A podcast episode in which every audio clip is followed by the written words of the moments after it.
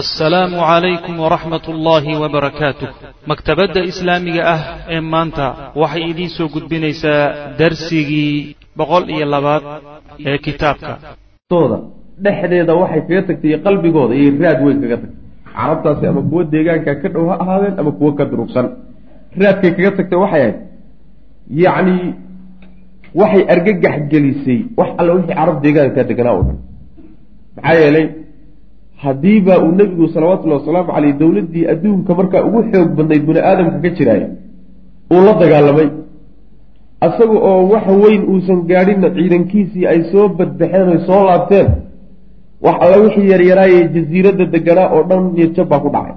Mar ninkaasi nin la loodin kara ma aha nin layska celin karana maaha subcadda ugu weynay soo hoyeen taasay. Ahayd walam yakun muusan ahayn qaysaru boqorka reer ruum baa qaysar la yidhahda magiciisa ma ahe waa laqab naanays waaye. Naanays boqoradoodu ay leeyihiin ayay ahayd.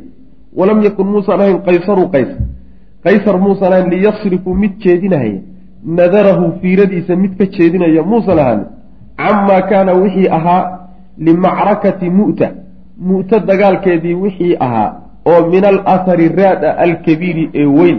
Lisaalixi lmuslimiina muslimiintana faa-ida ugu jirtay faa-iidadii weyneyd iyo raadkii weynaaye muslimiintu ay ka soo hoyiyeen dagaalkii mu'ta boqorka reer ruum indhaha marna muusan ka jeedinin. Yacni ihtimaam buu siiyeyo arrintaasi aada bay agtiisa ugu weyneyd.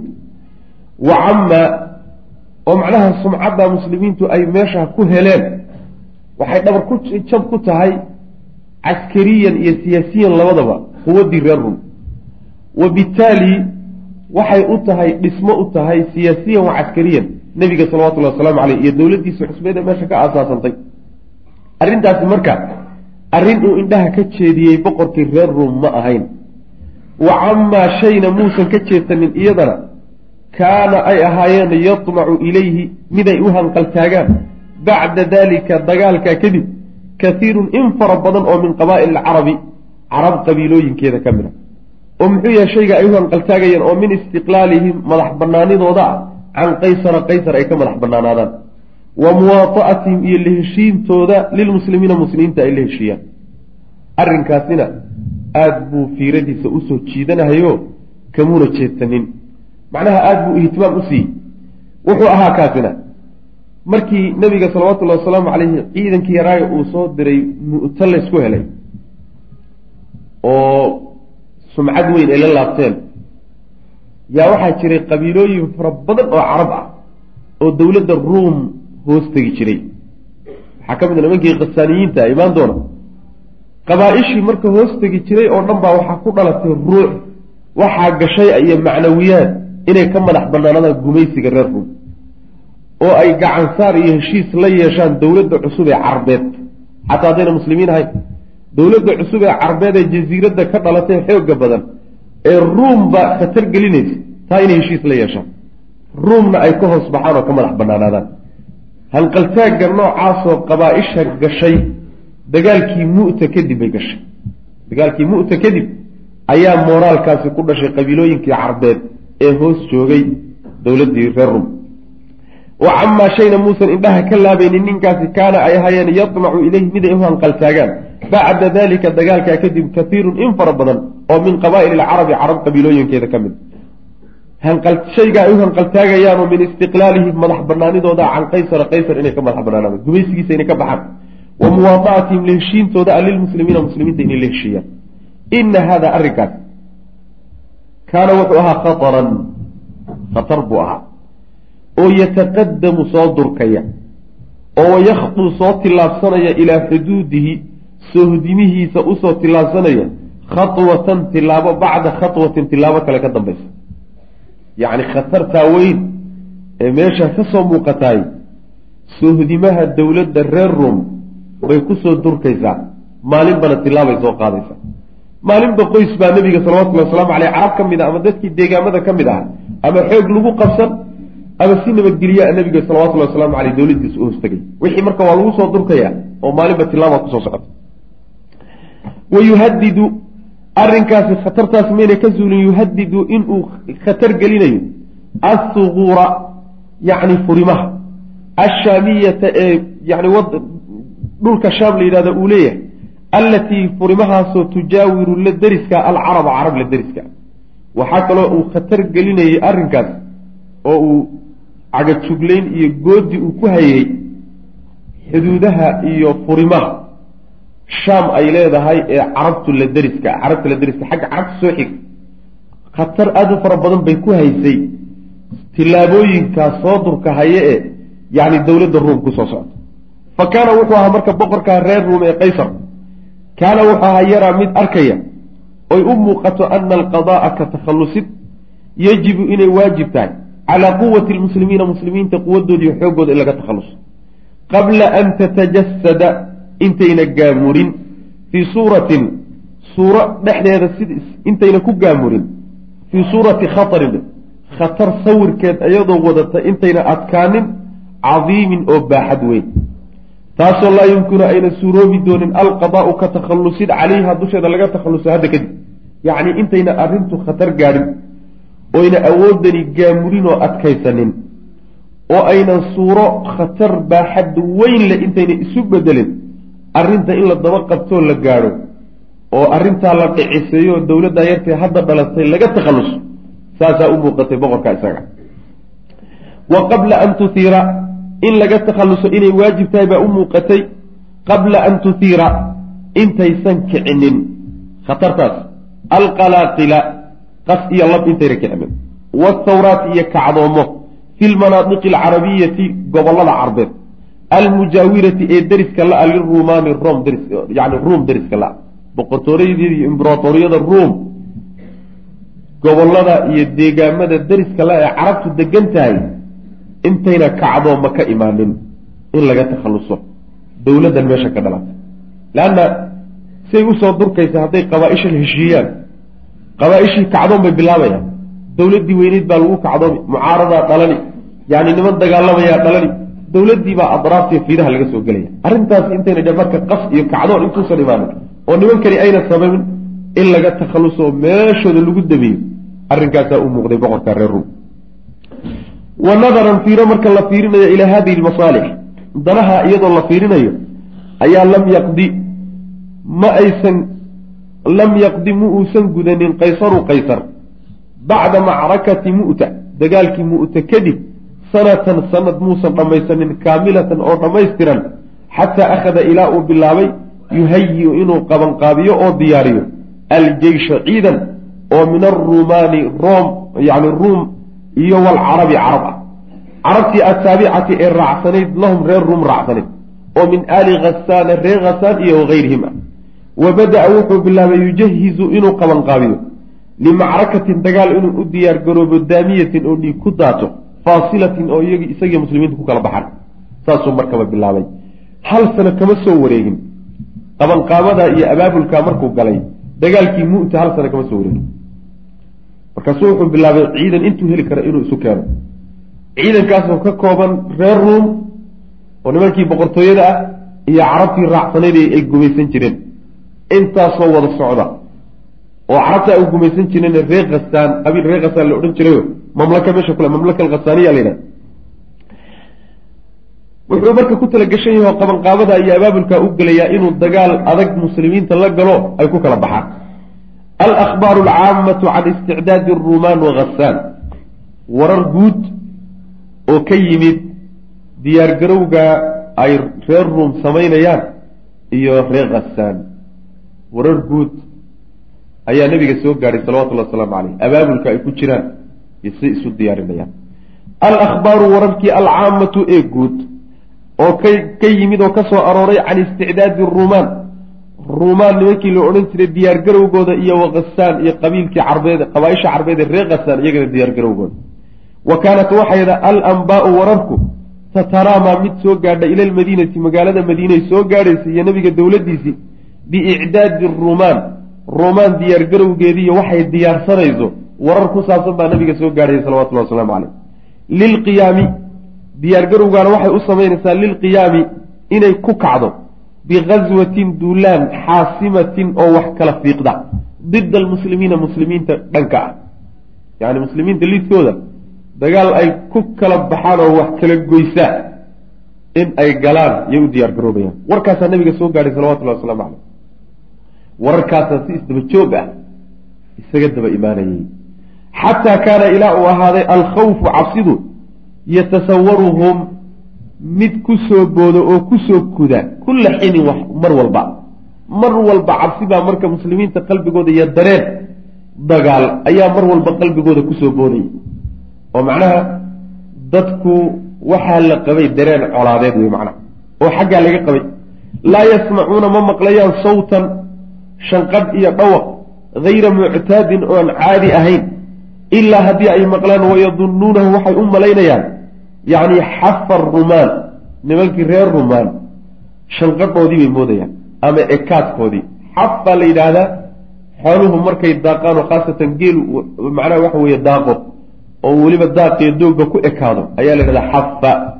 Waxaa kaloo yidhahdaa shanqada iyo shanqadha iyo sawdkana waa la yidhahda sawd iyo shanqadhay maqlaanba waxay moodayaan dareenka markaa dalka yaalla iyo cabsida meesha laga qabo. Waxay isleeyihiin dhawaaqi baxaba oon caadi ahaynba waxay isleeyihin alalahi meeshii baa wax ka yimaadeen. Saas weya wayadharu waxau muuqanayaa dalika arrinkaasi jeliyan si cad wuxuu u muuqanayaa dareenka ay qabeen muslimiintu. Mimaa waqaca shaygii dhacay buu ka muuqanaya licumar ibni khadaab. Cumar ibn khadaab arrintii u dhacday ee ku dhacday ee macnaha waxa weeyaan uu sameeyey isagii iyo saaxiibkii arrintaasay ka muuqanaysaa si cadna uga muuqanaysaa dareenka muslimiintu qabeen. Faqad kaana waata arrintii. Faqad kaana wuxuu ahaa annabiyu sal ly sl nabigu aalaa mid ka dhaartay. Min nisaa'ihi haweenkiisa ayuu shahran bil ka dhaartay fii hadihi sanati sanadka sagaalaad dhexdiisa. Yani aalaa waxaa la yidhahda macnaha ninku markuu haweenaydiisa yidhahdo ka dhaarto inuusan u galmooneyn. Markuu ku dhaarto inuusan u galmooneyn baa la yidhahdaa aala alilawa marka nebigu salawatullhi wasalaamu caleyh bil buu haweenkiisa ka dhaartay. Waxoogaaba yaro dhibeeno. Way ka xanaajiyeen nabiga salawatullahi wasalaamu caleyh markaasuu ka dhaartay. Wa kaana wuxuu ahaa nabigu sal ly slam haajarahunna haweenkaa mid ka tegey buu ahaa oo ka hijrooday. Wactazala ka durkay canhunna xaggooda fii mashrubatin meel qol sare. Ayuu nebigu ku fogaaday oo lahu isagu u lahaa. Meel qol oo sare. Oo macnaha waxa weeyaan qol dabaqa oo nebigu lahaan jiray salawatullhi wasalaamu caleyhi buu fuulay. Haweenkiina guryahoodiiba iska joogaan. Uma tegay marka uma galmoonayo. Xaas kama dhiganayo walam yafdun mana aynan dareemin asaxaabatu saxaabadu mayna ku baraarugin ilaa xaqiiqati alamri. Arrinta nebigu uu sameeyey xaqiiqadeeda fii bidaayatihi markii ugu horreysay bilaabatay maynan daree mayna ku baraarugin macna. Macnaha mayna fahmino. Arrinta nebigu uu sameeyey waxay kala garan waayeen. Haweenkii miyuu furay mise wuu ka dhaartayoo waa ka dhaarasho muddo ku ego muddadaa haddii ay dhammaataayey xaasaskiisii wey haddana xaasaskiisii wey arrintay fahmi waayeenoo way ku wareereen. Ayb fadannuu waxay moodeen ana nabiya sal ly sl nebigu dallaqahunna haweenkiisii inuu furay. Fa saraa fiihim waxaa dhexdooda tukubay oo gaadhay oo galay. Alhammu murug iyo walxasanu walbahaar iyo walqalaqu qas. Yani qalbigoodii baa qasmay oo murug iyo walbahaar. Guryihii nebiga sal alay wasalam way dumeen oo nebigii xaasaskiisii kala tage murug noocaasoo kalea ku dhalatay saxaabada ridwan llahi caleyh yaquulu cumar bnu khaaab wuxuu leeyahy wa huwa yarwi isagoo inoo warinayo inoo sheegaya hadihi lqisa qisadaa isagoo inoo warinaya wuxuu leeyahay cumar wa kaana lii waxaan lahaan jiray buuri saaxibu nin aan saaxiib lahay oo min alansaari ree ansaareed ah idaa kibtu haddii aan maqnaado ataanii wuxuu ii keeni jiray bilkhabari warka wa idaa kaaba hadduu maqnaadona kuntu waxaan ahaa aatiihi mid u keena ana anigu bilkhabari warka anaa soo gaadhsiin jiray magaalada ka dhaca wa kaanaa waxay ahaayeen cumar iyo saaxiibkii yaskunaani kuwo degan fii cawaali lmadiina madiine macnaha korkeeday deganaayeen cawaali lmadiina macnaha waa gaarada magaalada dhexeed ahayne ka yara durugsan ayaa cawaalida la yidhahda marka meeshaasay deganaayeenoo magaalada mayna deganeyn mid walba maalin buu marka imaan jire o magaalada u soo degi jiray. Way ku moogeysan jireen way ku kalsami jireen soo degitaanka magaalada loo soo degayo maalin cumar baa imaan wixii marka magaalada ka jiray wixii soo kordhay iyo maalinka habeenkaasu dheelman uu caraabi habeenkaasu reerkii ku dheelman warkiibuu u gey saaxiibkii oo xoolihii iyo yani ku maqnaa. Maalinta xigtana waxaa soo degaya ninkii ansaariga cumar baa hawshii qabanay saasay marka ahaayeen macna ayb yatanaawabaani niman ku kaltamo oo ku moogeystay ahayn ila nabiy sal alay slam nebiga u imaanshihiisa wa naxnu anagu buu leeyahay cumar natakhawafu waxaanu ka cabsanaynay oon cabsidiisa qabnay melikan boqor oo min muluuki khasaan qabiilka reer khasaan la yidhahdo boqoradooda ka mid ninkaasoo dukira lana naloo sheegay annahu isagu yuriidu inuu doonayo an yasiira ilaynaa inuu nagu soo duulo nin warkiisuna soo gaadhayo inuu nagu soo duulahayo soo socda naloo sheegay yaa cabsidiisu nagu jirtay buui faqad imtala-at way buuxsantay buu yihi cumar suduurunaa laabahanagu minhu xaggiisa. Yacni xaggiisa waxaa ka buuxa qalbiganaga dareen. Dareen colaadeed iyo cabsi baan qabnaa. Xaggayna ku wajahan tahay oo qayladii soo yeedhaba talowma nimankiibaa duulaan ku yimid baanu islaana fa idaa markaaba dareenka anoo qaba reerkiina dhex jooga idaa markaaba saaxibii ninkaan saaxiibkahayn alansaariyi ansaariga ahaa alansaariyu ansaariga ahaa baa yaduqu lbaaba albaabka igu garaacayo albaabkiibuu aada u garaacay fa qaala markaasu wuxu uhi iftax iftax war fur war fur war albaabka fur buu ku yidhi faqultu waxaan ihi jaaani jaaa alkhasaani talowma boqorkii reer khasaan baa yimid talowma ciidamadii la sugahayey baa yimid oo magaaladii baa weerar ku yimid fa qaala wuxuu yidhi isagiibu weydiinaya war maxaa dhacayoo ma weerar baa yimid faqaala wuxuu yihi bal kaa khasaan bal dhinac iska dhigiyo duulaankiise ashaddu wax ka daran baa yimid min daalika arrinka. Boqorka aynu ka cabsanaynay iyo ciidamadiisa iyo duulaankiisa wax ka weyn baa dhacay oo ka daran. Muxuu yahay ictazala rasuulu lahi sal ly slm nebigu wuu ka fogaaday aswaajahu haweenkiisa nebigiiyo haweenkii kala tage isma yaqaanaan. Arrinkaasoo weyn oo balbalo iyo qasfar badan muslimiinta dhexdeeda ku abuurtay ayaa magaaladii ka jiray buu i cumar buu u sheegay macna alxadiid wala fii lafdin aakhara ujeeddada marka xadiidka uu ka leeyay waxa weeye cumar markuu albaabka ku garaacay oo si aan caadi ahayn ugu garaacay oo garaacu uu u muuqday garaac xoogaa dareen ku jiro garaacan yacni muctaad ahayn markaba qalbigiisa waxaa u soo degdegay talow ma boqorkii reer khasaan baa magaalada weerar ku yimid oo ma weerar baa magaaladii haysta meesha marka waxaa ka muuqata qalbigoodu inuu ka buuxay oo dareena ay qabeen in lagu soo halkaa inay ka cabsanaya wa fii lafdin aakhara lafdi kale wuxuu ah xadiidka ka mid a annahu qaala wuxuu yidhi cusmaan cumar wa kunnaa waxaan taxadahnaa kuwa ku sheekaystay anna aala khasaan nimanka reer khasaan tanacala inay kaba gashadeen annicaala kabahoodii inay gashadeen ligazwina duulaankanagana inay u gashadeen. Inay macnaha waxa weeye taagtaagan yihiino kabahoodii gashadeen oo diyaar garoobeen wey wax u laaban uusan jirin. Ay soo dhaqaaqaan inay doonayaan baanu ku sheekaysanayn fa nazala markaasuu soo degay saaxibii ninkaan saaxiibka ahayn ee ansaariga ahaa yowma nawbatihi maalintii kalkiisa ahayd. Maalintii kalkiisa ahayde ku aadaneed markuu soo degi lahaa ayuu soo dego magaalada yimid.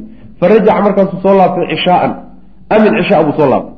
Fa daraba markaasuu garaacay baabii albaabkayga darban garaaci shadiidan oo daran. Si adag buu albaabka u garaacay wa qaala wuxuu ihi anaa'imun huwa war ma jiifaa war miyuu jiifaa fafazictu markaasaan argagaxay buu fakharajtu ilayhi markaasaan u soo baxay anoo yani aada u argagaxsan wa qaala wuxuu yidhi ninkii xadasa waxaa dhacay amrun arrin baa dhacay cadiimun oo weyn arrin weyn baa dhacay cumarow faqultu waxaa ihi maa huwa muxuu yahay arrinka dhacay ajaa-at khasaanu wama khasaan baa timid waa ka maxalushaahid ujeedada xadiidka ilal halka barree khasaan baa duulaan ku yimid qaala wuxu uhi laa maya bal acdamu wax ka weyn baa yimid minhu reer khasaan iyo duulaankooda.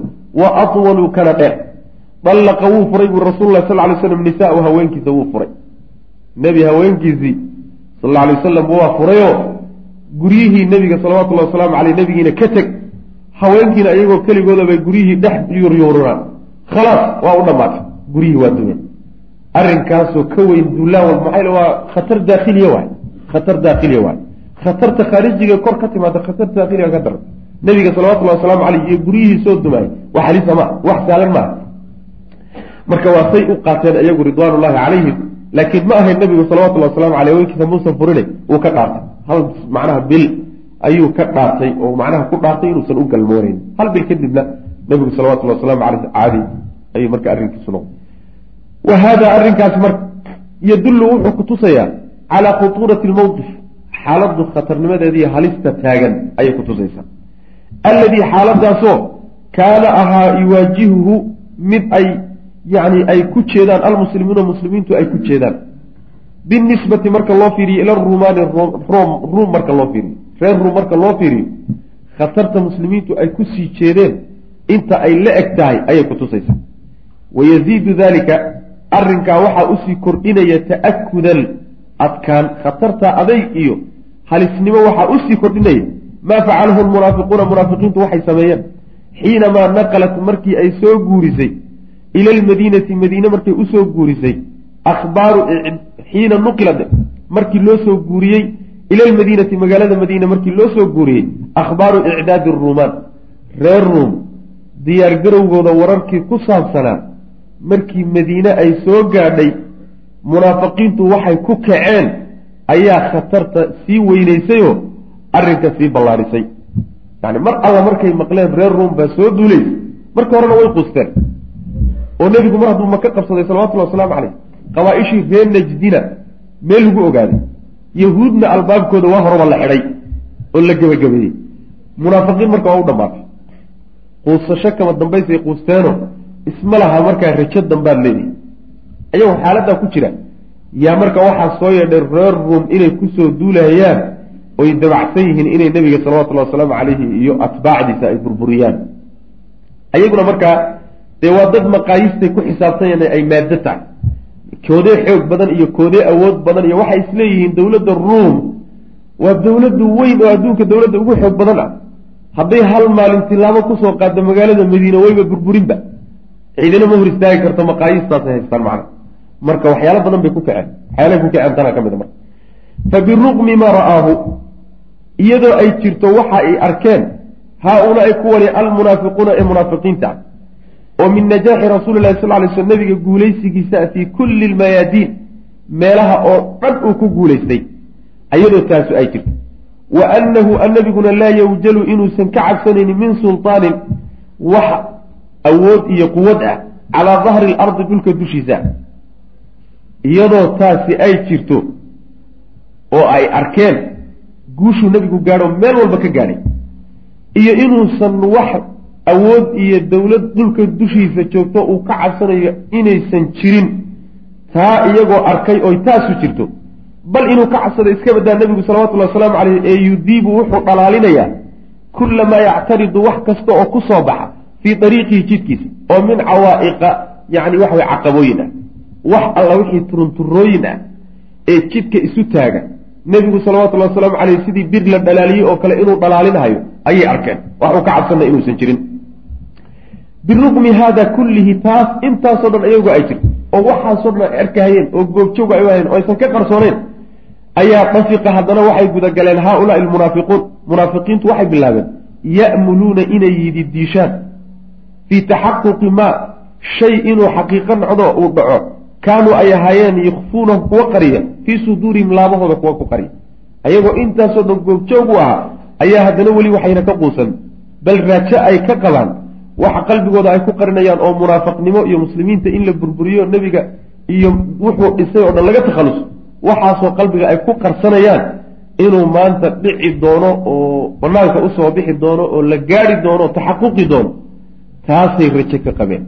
Waxaasoo guul oo nebigu u gaadhay ayagoo macnaha arkahayo u ah.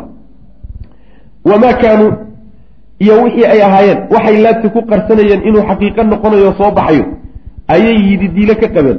Iyo wamaa shay kaanuu aheen yatarabasuunahu kuwa suga oo korta oo min ashari shar bilislaami islaamka ay la sugayeen iyo wa ahlihi ehelkiisa waxay shar islaamka la sugayeen iyo dadkiisa inay maanta xaqiiqo noqon doonto oo gacan adag la gaadhsiin doono muslimiinta. Sidaasay macnaha rumaysnahay sidaasay rajo ka qabeen wa nadaran fiiro la fiiriyo daraaddeed ilaa qurbi taxaquqi aamaalihim ayagoo fiirinaya ilaa qurbi taxaquqi aamaalihim rajooyinkay lahaayeen xaqiiqa noqoshadeeda oo dhow fiire ay fiirinayaan daraaddeed ayay ansha-uu waxay bilaabeen oy dhiseen wakratan dhufays buul bay dhiseen liddasi buulkaasay ugu talagaleen dibindaabo iyo inay shar u qariyaan muslimiinta. Wata'aamuri iyo shirqool. Ayagoo ujeeddadoodu ay tahay maalintii aan gaari lahayn rajadeenna iyo yididiiladeenna yaa dhowaatay rajadaasoo qalbigooda ku jirtaa waxay ku bixisay in ay aas-aasaan oo magaalada madiine ka dhisaan meel oo buul ah wakriga waxaa la yidhahdaa shimbirta buulkeeda la yidhahda laakiin meesha wuxuu ka wadaa meel guri ah oo ay ku shaqaystaan oy ku shiraan oy siyaasadooda ku kala wadaan qolyaha kor ka imaanahayee duulaanka ku imaanahayana ay saldhig uga sii dhigaan. Aasaaskiiba waxayba ka sii bilaabeen magaalada madiina.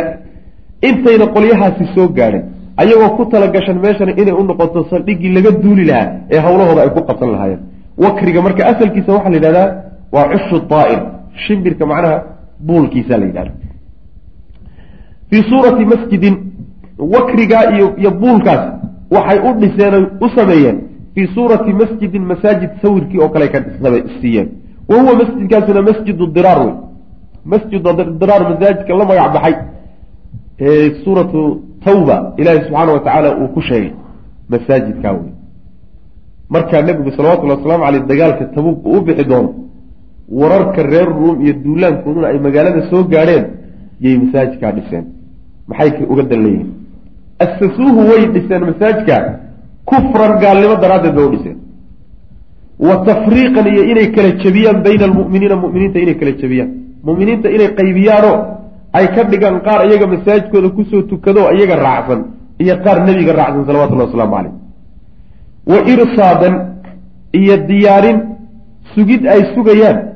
Liman cid bay u diyaarinayaan oo la sugayaan. Xaarab allaha ilaahay la dagaalamay wa rasuulahu rasuulkiisa odayaashoodii nin ka mid ahaa oo cararay oo ruumtan soo duulaysa la socda iyo ruumtaasoo wada socdabay meesha u sii diyaarinayaan oo ugu talagashayn wa caraduu waxay u bandhigeen calaa rasuulilah sal ly sl nabiga waxay u bandhigeen an yusalliya fiihi inuu ku tukado masaajidkii markay wixii masaajidka magaciisa ay u bixiyeen masaajid meehe markay dhiseen yay nebiga salawatullahi wasalaamu caleyhi yidhahdeen kaalay noogu tuko.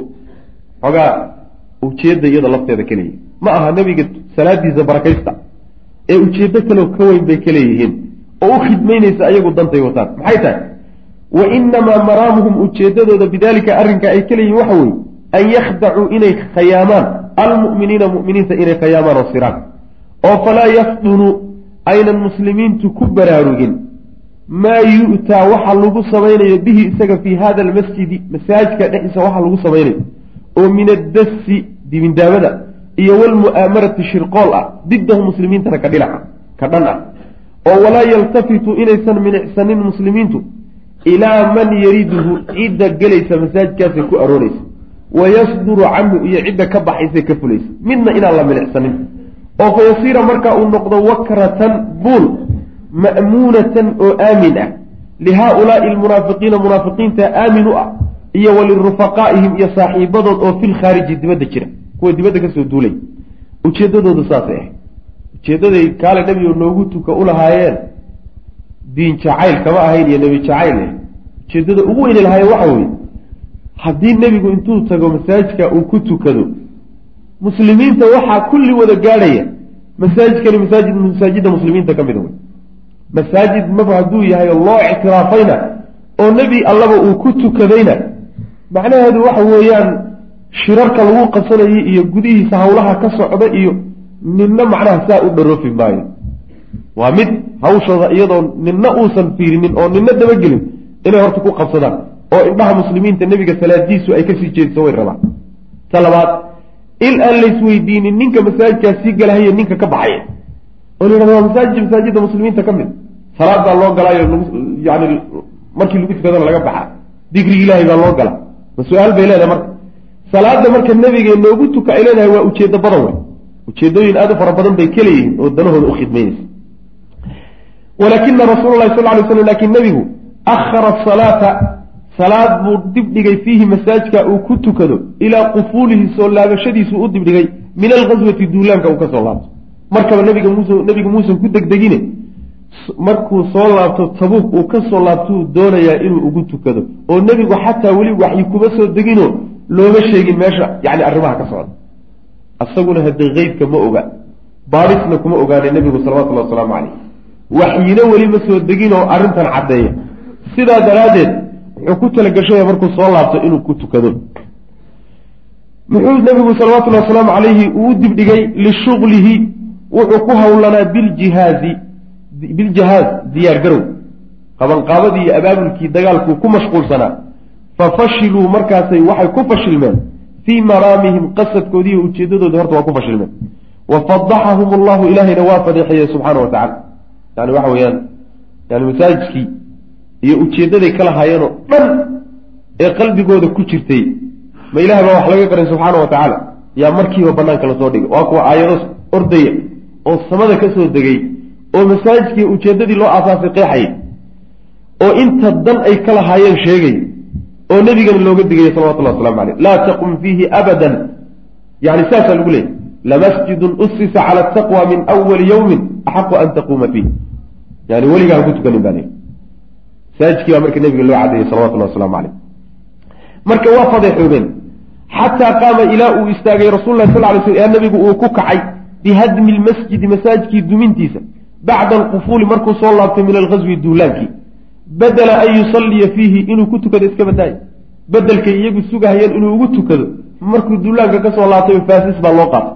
Masaajidkii wixii ku magacawna inta lagu duulay baa dhulka lala marka taasi waxay ahayd yani waxay kutusaysaa khatartu inaysan dibadda keliya ahayne khatar weynoo gudaha lafteedu inay bilaabatay. Oo wax alle wixii munaafiqiin iyo wixii islaamka necbaa oo dhan inay dhaqdhaqaaq gudaha bilaabeenoo abaabul ay ugu diyaar garoobahayaan sidii ay ugu soo dhoweyn lahaayeen duulaankaa dibadda ka imaanay. Sidaas way macana munaafiqiinta sidooduba iyo dadka islaamka necbee diinta la dagaalamaay quwad gaalo markay arkaanoo xoog badan markaasay munaafiqnimadooda muujistaan oo tartiibaadkooda iyo qorshahooda banaanka soo dhigtaan. Laakiin inta ay quwadaas la-yihiin oo dhan waa gabanahayaan oo masaajid ay ku jiraan oo muslimiintaasi macnaha waxa way safka kula jiraan laakiin waxay fadeexoobaan markay sidaadana muslimiinta waa laga gacan sarreeya oo cadowgaa gacan sarreeya. Mararkaasoo kale madaxa soo qaadaanoo maqaayiis ay markaa iyagu ku xisaabtanayo isleeyihiin waa la baabi'in oo waxba laga reebi maayo ayaa macnaha waxa weeye marar badan soo saarta oo banaanka ay ugu soo baxaan macna alahbaaru alkhaasa can isticdaadi rumaan wa khasaan wararkii hore ee aan soo marnay waxay ahaen warar guud warar khaas ah oo faahfaahsan oo aada u shiilan ayaa nebiga haddana soo gaadhay salawatullahi waslamu caleyh alakhbaaru wararkii alkhaasatu ee goonida ahaa oo ka soo arooray can isticdaadi rumaan nimankii reer ruum diyaargarowgooda iyo wakasaan iyo reer khasaan tabaabushaha ay ku jiraan. Kaanad waxay haadihi middaas hiya alaxwaalu taa hore aan soo marnay wey hiya alaxwaalu xaalooyinkii iyo walakhbaaru wararkii allatii wararkaa iyo akhbaartaasoo iyo axwaashaasoo yuwaajihuha ay qaabilayeen oo wayatalaqaaha ay la kulmayeen almuslimuuna muslimiintu ay la kulmayeen. Wixii uun muslimiinta ku soo dhacay iyo xaaladihii ay ka hor jeedeen ee haystay ayay taasi ahayd. Id markaa ayagoo xaaladdu sa ay tahay baa id markaaba balaqahu muslimiinta waxaa soo gaadhay min alanmaat min alambaati beeralaydii waxaa ka soo gaadhay alladiina beeralaydaasoo yaqdimuuna bizayti saliid keena bishaam min ashaami shaam ka keena ila lmadiinati magaalada madiine keena. Yani waxaa jira dad beeralayo shaam dega. Meelahaasay marka beeraha ku beertaan. Beerta wixii uga soo baxa oo saliid badan baa ka baxdo yani waa dhulkaa barakaysa wa wixii saliida uga soo baxda marka waxay u suuq keenaan madiina iyo jasiiraday u suuq keenaan.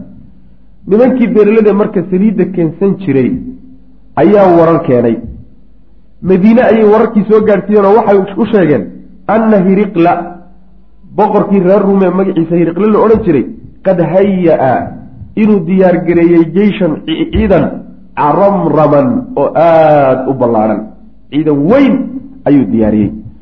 Qawaamuhu ciidanka cadadkiisuna arbacuuna alfa muqaatil waay. Yacni afartan kun oo dagaalyahan wey afartan kun oo nin ayuu ciidanku ka kooban wa acdaa wuxuu u dhiibay qiyaadatahu ciidanka hogaamintiis hogaanka guud iyo abaanduulka guudna wuxuu u dhiibay licadiimin nin weyn oo min cudamaai ruum ruum madaxdeeda waaweyn ka mid xataa nin sokey waa lagu aamini waaye raggii waaweynaa ee dowladda madaxdeedii waaweyneed ka mid ahaa ayaa hogaanka ciidankaa loo soo dhiibay. Wa annahu ninkaa hiriqle la yidhaahdo warka nabiga soo gaadhay waxaa kaluu ahaa wa annahu hiriqle ajlaba inuu kulmiyey macahum nimankaa la jirankooda reer ruum la jirankooda qabaa'ila lakhmin wa judaam juzaam buu qore judaam soo ma? Judaam buu qore daal soo saas maa saas labadaa qabiil iyo wakayrihimaa qabiilooyin kale oo min mutanasirati alcarabi carabtii nasaarowday ah. Yacni carab badan oo shaam deganayd oo qaarkood xuduudda deganaayeen ayaana yani diyaanadii nasaarada qaatay. Maxaa yeele dowladda u talisaa nasaaro ahay oo macnaa imberaatoriyada ruuma ayaa yani nasaaro ahay diintoodii bay qaateen marka. Wa ana muqadimatahum hormuudkoodiina balaqad inay soo gaadhay ila albalqa balqa inay soo gaadhay. Yani xuduudda jasiirada waay. Dhankiisoo kay soo gaadho nimankii waa soo durkeen wahaakadaa sidaa ayaa tamathala waxaa suuro noqdo xaqiiqo noqday. Amaama almuslimiina muslimiinta hortooda waxaa isa soo taagay khatarun khatar kabiirun oo weyn. Halisu weyn baa marka muslimiintii hortooda isa soo mutuxday oo ah afartan kun oo ciidan ah oo reer rum iyo khibradoodii iyo awoodoodii carab waxay heli karaan iswataa ayaa duleedka soo degay. Khatartaasaa muslimiinta hortooda timid ziyaadatu khuduurati lmowqif xaaladda khatarteeda halisnimadeeda oo sii ziyaaday wax ku kordheen. Waladii midka kaana ahaa yaziidu mid kordhiya khuduurata almowqif mowqifka iyo xaaladda khatarteeda waxaa sii kordhinayay oo macnaha waxa weeyaan dhoobada sii qoynayay ana azamaana waktiga kaana wuxuu ahaa fasla algaydi kulayl waktigiibuu ahaa ashadiidi oo daran. yani qaydka waxaa la yidhahdaa alxaru shadiid baa la yidhahda xilli aada u kulul yuu xilligu ahaa. xilligaa ay soo duuleen reer rum xilli aada u kulul buu ahaa. wa kaana annaasu dadkuna waxay ahayeen fii cusratin dhib dhexdii bay ku jireen. Wa jadbin iyo abaar min albalaa yani imtixaan dartii wa qilatin iyo yaraansho oo min adahri gaadiidka xaggiisa. Waxaa jirtay gaadiid yaraan abaaraa dadkii haystay oo ku habsaday culays iyo faqri badan baa jiray dhib badan baa yaallay meesha. Gaadiid la raacana ma jirin. Wa kaanat istimaaru intaa waxaa dheer midhuhuna waxay ahaayeen qad daabat kuwa bislaaday. Wixii geed saarnaa ee midho ahaana markaasay bislaadeenoo diyaar ay yihiin in la goosto. Fa kaanuu waxay marka jeclaayeen saxaabadu rag badan oo ka mid yuxibuuna fa kaanuu waxay yuxibuuna kuwa jecel almuqaama nagaadi fii simaarihim midhahooda dhexdooda ay ku nagaadaan oo joogaan wa dilaalihim iyo hadhacooda. Hadhacan yacni hadhkan isagana macnaha waxa weeye diyaar garoobay iyo midhihiioo bislaaday waxaanay in laga tago isku qoofalan ee isku nicmaysan in laga tagaayey lama qumanin dad badan sidanay jeclaayeen macnaha in la joogo. Wayakrahuuna waxay necmaysanayeen ashukuusa in laysku liqdaaro. Cala alxaali xaaladda taagan in laysku taago. Shukuus waxaa la yidhahda shakhasa cala shay waxaa la yidhahda shayga markaadan ka xeeladaysanine aada foolka fool u abaarto marka waxaa u muuqatay xaaladan adag ee abaaraha iyo kulaylka iyo dhaqaalo la'aanta iyo gaadi darida iyo masaafada iyo meesha loo socdo aada u fog inaan laysku mutuxine bal waxoogaa laga xeeladaysto ayb. Min azamaani alladii hum fiih wayakrahuuna ashukuusa cala alxaali xaaladaasi in laysku liqdaaro laysku taago ayay karaahaysanayeen oo min azamaani xilliga ah alladii xilligaasi hum iyagu fii dhexdiisa ay ku jiraan. Xilligaa lagu jiro ee yaraha adag in laysku taago oo in la jiro laysku dayo waxoogaa way yara necmaysaneen naftaa diidan. Maxaa naftu waxoogaagaa isku koosaaran bay rabtaa waxoogaagaa hadhaca iyo hadhka iyo yani midhaha bislaada iyo waxoogaagaasay u xilan oo u iilani. Way necabtaa macnaha karaahiyadan iyo dhibkan iyo qacarkan jiir way necabtaa macna wa maca haadaa intaasoo dhan kullihii dhammaantii. Ayad intaasoo dhan iyadoo jirta kaana haddana waxay almasaafatu yacni masaafadu waxay baciidatan mid aada u fog. Dhulkuna meel fog buu jiraa. Waariiqu jidkuna waciratun waa midka ka weya sacbatun oo adag jidka la qaadayana waa jid balaaya ka dhacday. Masaafada loo socdiyo meesha lagu socdana waa meel aada u durugsan wey waa toddoba boqol oo kilomitr waay tabuuk iyo madiina. Toddoba boqol oo kilomitr bay isu jiraan iyo ka badan. Salamiya marka lug baa la doonaya dhulkaa in lagu gooyo. Oo halkaa duulaan laga galo. Xilli kulun oo abaar ah diraaca oo gaasi jirto oo abaara jiraan oo aan waxa la haystaa iska yidhi oo gaadiid la raacay uusan jirin oo la doonaya in la lugeeyo halkaa in lagu duulaa la doonaya masalada rag badan reebtay ee hadda inagu aynu ugu garaabi lahayn ayay ka mid tahay macana ayib arrinta marka khatartaasa le dhinaca muslimiinta marka la fiiriyo dhibkaasaa yaalay. Oo xilligu xilli wuxuu ahaa duulaan aan ku habbooneyn waa kow dhanka cadowgana quwadda ka soo socota ee laga filaya waa quwad aada baaxaddeedu u ballaadhan tahay. Khatartaasaa taallay khatarta saddexaadna waxa weye waa khatartuu sheegayo munaafiqiintiioo magaalada dhexdeeda ka kacdoontay oo wax diyaarsanayo abaabul ku jira. Saddexdaa khatarood ayaa muslimiinta fii aani waaxid ku soo wajahmay. Alrasuulu sal ly slam nabigiibaa yuqariru wuxuu go'aaminayaa alqiyaama in lagu kaco biiqdaamin tilaabo oo xaasimin wax kala fiiqda. Nebigu salawatullahi wasalaamu caleyh meeshaasi waa meeshii raka bixilaa wey yacni nin cabqari ah oo geesi ah oo caqli badan oo muxanig ah. Muxanig ah unbaa meeshaasoo kaleeta macnaha waxa weeye go'aan ka qaadan karay. Xaaladaas adag dadkaagiina ay waxoogaa ka biyadiidsan yihiinoo ay saluugahayaan xaaladan ku tilaabsigeeda cadowguna sidaya masaafaduna sidaa tahay. Waxay u baahan tahay go'aan geesinimo ku salaysan bay u baahantay nebigii oo go'aankaa qaatay waa ka marka. Alrasuulu sal lla alay wasalam baa yuqariru wuxuu go'aaminayaa alqiyaam. Yacni kicitaan lagu kaco biiqdaamin horu kicid wey macna tilaabo horay loo qaado. Xaasimin oo wax kala fiiqda. Walaakina arasuula sal lay sl nebiguse markii dadku ay sidaa arkayeen nebigu waa ka gedisnay isaga mowqifkiisii aragtidiisu walaakina arasuula sal lay sl nebigu kaana waxaa yanduru mid fiiriya ila duruufi xaaladaha taagan wuxuu u fiirinayay iyo watatawuraati isbedelada wuxuu ku fiirinaya binadarin fiiro iyo il adaqu oo xeel dheer oo wa axkamu ka xikmad badan min haada kaa ay dadka kale arkayeen kullihii dhammaanteed. Nebiguse dhanku wax ka arkayey waxay ahayd dhan ka xikmad badan oo ka xeelo dheer dhanka ay dadka kale ka arkayeen arrinta oo dhan. Dadka kale oo dhan nebigu waa ka gedisnaa salawatullahi waslamu caleyh muxuu ahaa wuxuu nebigu arkayay salawatullahi waslamu caleyh ee u muuqday wuxuu ahaa inahu nebigu kaana waxaa yaraa mid arkayo la quman tahay annahu isagu low tawaana haddii uu ka gaabiyo oo watakaasala uu ka cagjiido can ghaswi ruumaan reer ruum duulaan maanta lagu qaado hadduu nebigu baajiyo oo ka cagjiido fii haadihi duruuf weliba xaaladahan taagan alxaasimati ee khatarta ah ee wax kala fiiqaysa. Xaaladan khatartay dooniba ahaatee maanta haddii dagaal ruum lagu qaado la baajiyaayo. Wa tarki ruumaan iyo romaan oo laga tago reer ruum oo loo daayo litajuusa si ay ugu tamashlayso khilaala almanaatiqi degmooyinka dhexdooda oo dhan si ay u dhex martay iyadiyo ciidamadeeda arrinkaasi allatii manaadiqdaasoo kaanad ahayd taxta saydarati alislaam islaamka awooddiisa hoos joogtay wa nufuudihi iyo fulitaanka islaamka yacni awoodda muslimiinta iyo dowladdiisa gobolladii hoos joogay ee ka tirsanaa in ciidamada reer ruum faraha looga qaado say doonaan ha u dhex mareen ha ku tamashleeyeene oo watasxafu ha u soo durugta markaana ila almadiinati xagga madiina inay u soo siqdo sidaa in faraha looga qaadaayo kaana inuu yahay buu nabigu arkayay salawatullhi waslamu caleyh arrinkaas lahu arrinkaa inuu u ahaaday aswa'u atharin raadka ugu xun cala dacwati alislaamiyati dacwada islaamiga. Dacwada islaamiga raad aada u xun iyo dowladda muslimiinta aba sumcad xumo iyo haybad dhicid inay ku keenayso. Waa haddii nebigu salawaatullahi wasalaamu calayhi uu yidhaahdo xaaladdan lama bixi karee bal dadku ha iska nasteenoo bal isbeddel ha la sugo.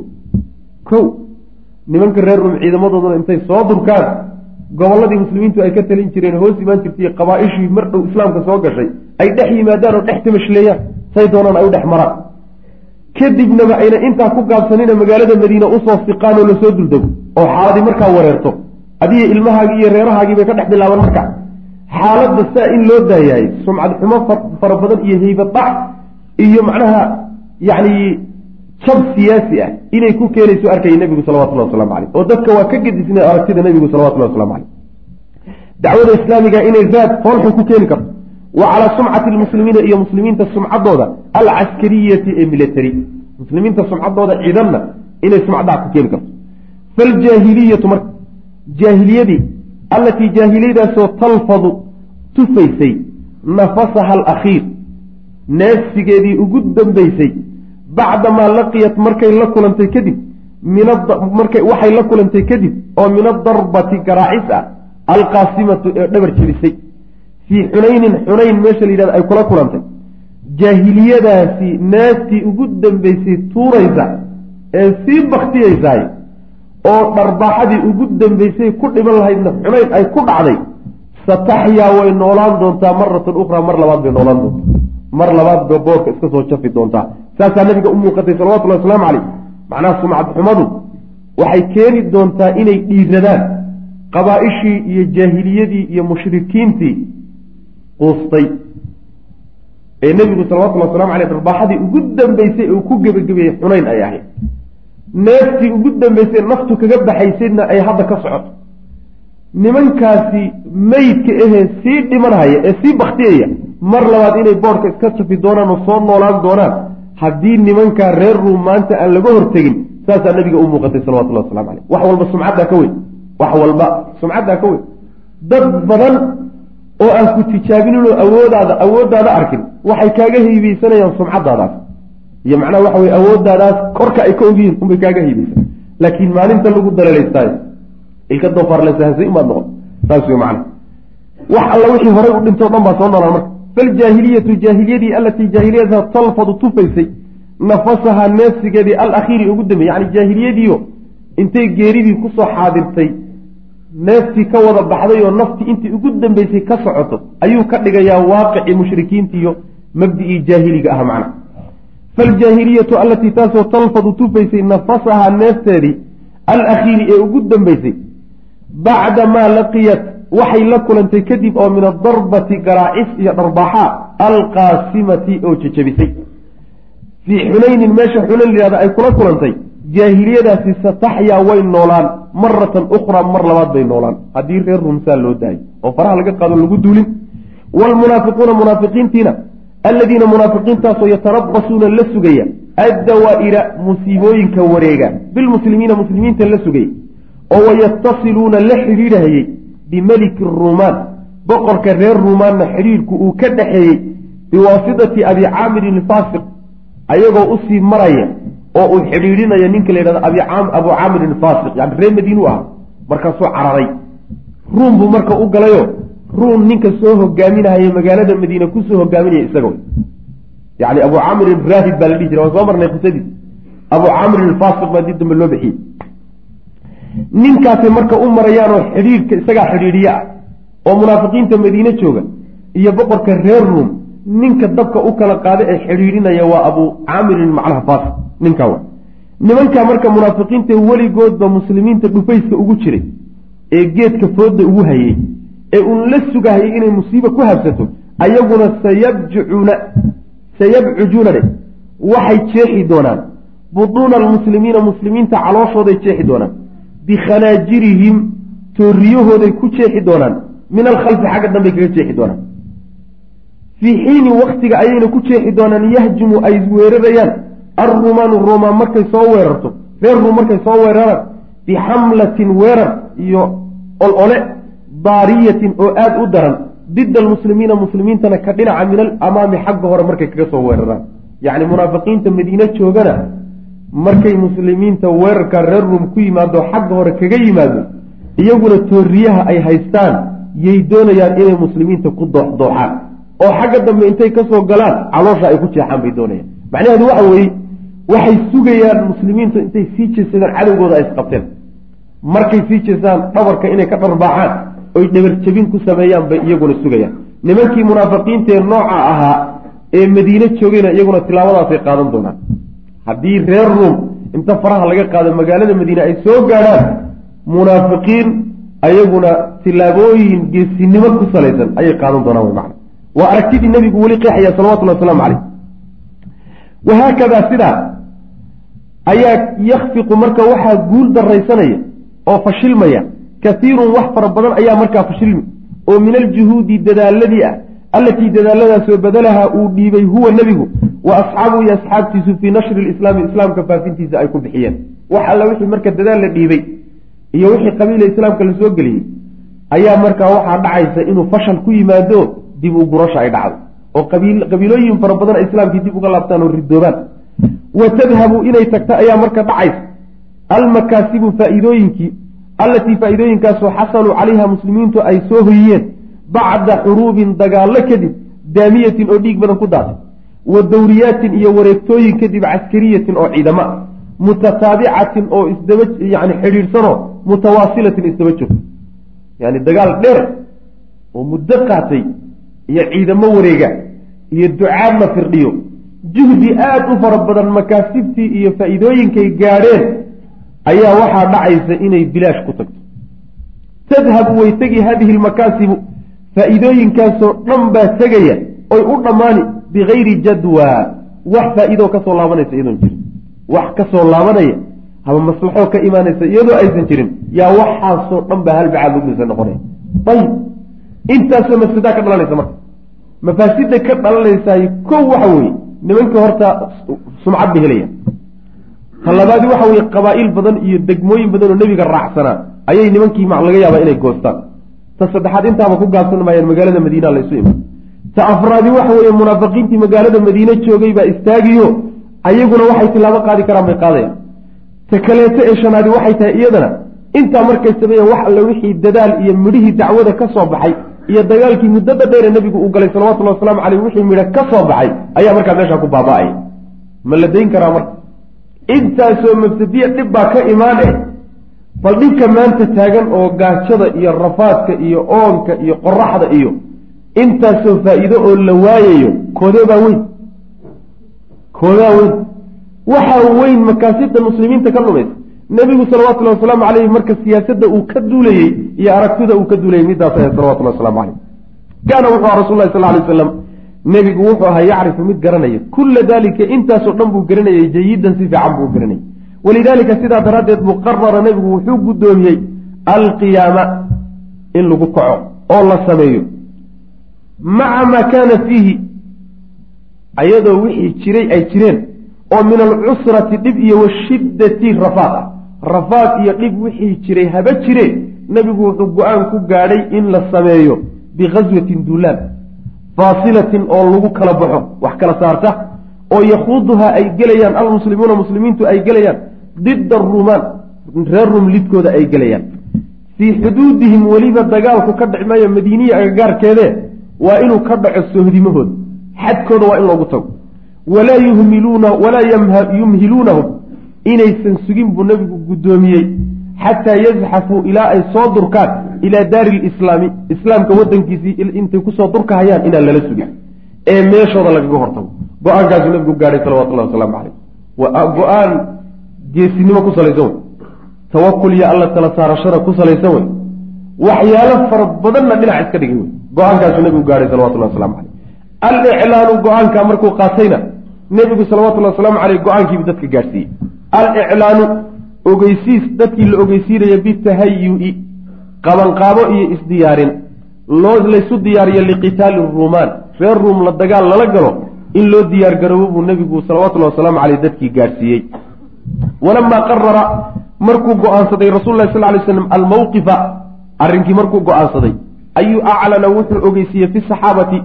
Raggiisa dhexdooda wuxuu iclaaniyey an yatajahazuu inay isqabanqaabiyaan oo diyaargaroobaan lilqitaali dagaal inay isu diyaariyaan wa bacata nebigu wuu diray salawatullahi waslamu caleyh ila alqabaa'ili qabiilihii qabiilooyinkii wuxuu u diray oo min alcarabi ah carab ah wa ilaa ahli makata ree makana wuu u cidiray yastanfiruhum asaga oo inay soo baxaan ka dalbaya hala soo baxo yaan la kala hadhin cod yacni amarkaas iyo wareegtadaasuu nebigu wada gaadhsiiyey salawatullahi wasalaamu calayhi wax alla wixii raacsanaa qabiilooyin hadday tahay magaalooyin hadday tahay wa kaana waxaa ahaa qalla mid ay yar tahay maa yuriidu inuu doono ghaswatan duulaan oo yakzuuha nebigu uu duulayo ilaa haddii uu duulaan doono waraa wuxuu nebigu uu qarinayay duulaanka bikayriha midaan iyada ahayn buu ku qarinayay. Caadada nebiga sal alay waslam waxaa ka mid ahay iyo siduu ugu dadaali jiray sirtiisa caskariga inaan waxba laga ogaanin. Hadduu meel doonayo inuu ku duulo meeshaa meel aan ahayn buu ogeysiiska ku bixinaya inuu u socdo. Meel kale la sheegi meel heblaan u soconnaa baa la dhihi meeshaa meel aan ahayn baa lalagu duulaya waxaa la jahwareerinayaa sirdoonka cadowga oo dhan baa la jahwareerinaya. Munaafiqiinta meesha wada fadhiya masaajid ku tukanahaye nebigu markuu ogeysiiska bixinayo wada fadfadhiyaa la jahwareerinaya. Warkiibay marka si macnaha dabcan oo khaladay u qaadanayaan. Goortay warka saa u qaataan oo jihooyinkii gaadhsiiyaanna warkii ay gaadhsiiyeen wax ka gedisan baa soo baxay. Waa siyaasad muhiim ah waay. Maxaa yale saan soo sheegnayba yani sideedaba ummadaha iyo quwadaha iyo dowladaha iyo dagaalada iyo cunsurka laga maarmaanka ayna ka kici waxa lafdhabarta waa waa sirta waay. Sirta way macna. Sirtaasuu marka nebigu ku dadaali jiray salawatullahi waslamu caleyh caadadiisu marka saasay ahayd oo dagaaladu aadahayo oo dhan meel kaluu sheegi jiray. Walaakinahu nebiguse nadaran fiiro iyadoo la fiirinayo ilaa khutuurati lmowqif mowqifkan iyo xaaladan taagan oo halis ah isagoo fiirinaya wa ilaa shiddati alcusrati iyo dhibaatada oo daran isaga oo fiirinayo tixgelinaya daraaddeed ayuu aclana nebigu wuxuu ogeysiis ku bixiyey annahu isagu yuriidu inuu doonayo liqaa'a aruumi ruum inuu ku duulo oo la kulmo la dagaalamo. Ogeysiiskaasuu nabiga bixiyey salawatullah waslamu caleyh macnaha lama qarinin wey duulaankii tabuuk dadka waa loo sheegay. Tabuuk baynu ku soconnaa buu nabigu yihi salawatullahi waslamu caleyh iyo reer ruum. Wajalaa wuxuu u muujiyey nebigu linnaasi dadkuu u muujiyey amrahum arrinkoodii meeshay ku socdeen iyo duulaankiiyo kulli nebigu waa u caddeeyey waxba kama qarin. Maxaa saa uu yeelay nebigu caadadiisii hore uu u khilaafay oo caadadiisii hore u garab maray liyata'ahabuu inay diyaargaroobaan daraaddeed.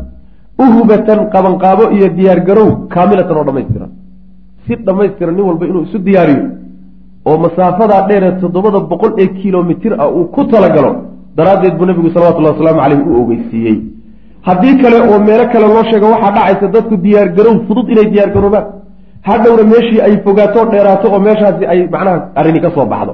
Marka saas daraaddeed buu nebigu ugu sheegay salawatullahi waslamu caleyh waxadahum nebigu wuxuu saxaabada ku qalqaaliyo ku tirtirsiyey cala aljihaadi dagaal. Wa nasalad waxaa soo degtay qidcatun gabal oo min suurati baraa suuratu tawba ka mid a oo tusiiruhum muslimiinta ku kicinaysa cala aljilaadi dagaalan.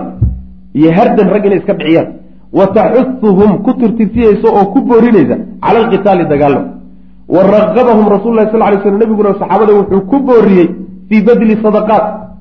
In wax alla wixii la heli kara la bixiyo sadaqa xoolaa loo baahanye yacni dad badan bal muslimiinta intooda badanba waxay ku duulaan ma haystaan. Marka waxaa la bixiyo.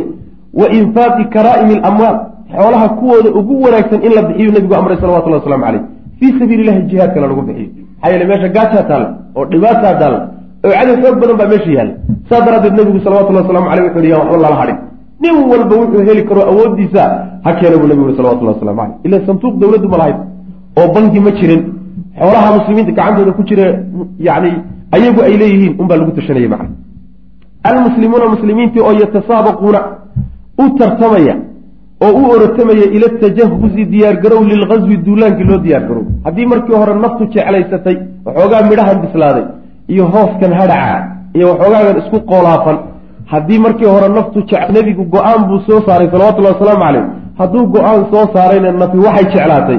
Iyo nebi maxamed wuxuu guddoomiyey saxaabada nebigu ma simayaan salawatullah waslamu cala alra'si walcayn si walba ha noogu adkaatee waanu yeeli wey. Diyaargarow baa marka tartan loo galay. Walam yakun ma ahayn min almuslimiina muslimiinta xaggooda ma ahayn an samicuu inay maqleen. Sawta rasuulilahi sal lay slam nebiga dhawaqiisa oo yadcuu yeelaya dadka ilaa qitaali ruum ruum in lala dagaalamo dadka ugu baaqaya dhawaqaa maynan maqlin ilaa haddii ay maqleen wa tasaabaquu waxay tartan u galeen fi imtihaalihi amarkaas sidii loo fulin lahaa. Nin walba ninka kale yuusan kaaga hormarin diyaargarow baa marka la galay. Fa qaamuu way sameeyeen muslimiintu marka waxay ku kaceen yatajahazuuna inay diyaargaroobaan lilqitaali dagaal bisurcatin weliba si deg deg ah baaliqatin oo xeel dheer. Nimankii la waxalin way soo dhaqaaqeen xuduuddooda in lagaga hortagana waa la doonayaa tabaabusho marka deg deg ah in la sameeyaa la doonaya. Wa akhadat waxay bilowday alqabaa'ilu. Qabiilooyinkii waxay bilaabeen iyo walbutuunu lafihii iyo jilibyadii tahbitu inay soo hoobato soo daadato. Ila almadiinati magaalada madiine inay ku soo hoobato. Min kulli sawbin jiho walba iyo wanaxiyatin dhinac. Dhinac walba qabiilooyinkii soo abaabulay oo ciidamo soo diyaar gareeyey ayaa dhinac walba magaalada madiine ka soo gelayo nabiga u imaanaya salawatullahi wasalaamu caleyh yacni waa gurmad aan loo kala hadhin wey ummadii islaamka oo dhan ayaa dagaalka ka qayb gashay macna. Ciidamadii o dhan baa la keenay marka. Walam yarda ma ku qancin axadu ruux oo min almuslimiina muslimiinta ka mid a an yatakhallafa inuu ka hadho can hadihi alghaswati duulaanka inuu ka hadho. Ruux muslimiinta ka mid a oo naftiisu ay jeclaysatay inuu duulaanka ka hadhana ma jiro ila aladiina kuwii mooyaane fii quluubihim qalbigooda maradun cudur ku jiray. Munaafiqiintii mooye wa ilaa halaathatu nafarin iyo saddex nin mooyaane. Wax fayow oo qalbigiisu fayow yaho caafimaad qabo waxaa dagaalkaa ka hadhay saddex nin keliya oo nebiga amarkiisa aan ku hadhin salawatullahi wasalaamu caleyh wixii kale ee ka hadhay ee amar la'aan ku hadhay munaafiqiin qalbiga ka jiran bay ahayd xataa kaana ilaa uu ahaaday yejii-u miday u yimaadaan nebiga salawatullahi wasalaamu caleyh ahlulxaajati dadka danleyda ah waalfaaqati iyo faqriga. Dadka faqriga iyo danleyda ah waxba aan haysanin ayaa nebiga u imaan salawatullahi wasalaamu caleyh yastaxmiluuna iyagoo gaadiid weydiisanaya rasuula allahi sal alay wasalam waxay leeyihiin nabi allow diyaar baanu nahay waanu baxaynaa faqri kastiiyo gaajo kasta hana laakiin bal gaadiidkaan meesha ku gaadhi lahaa nalo raadiyo.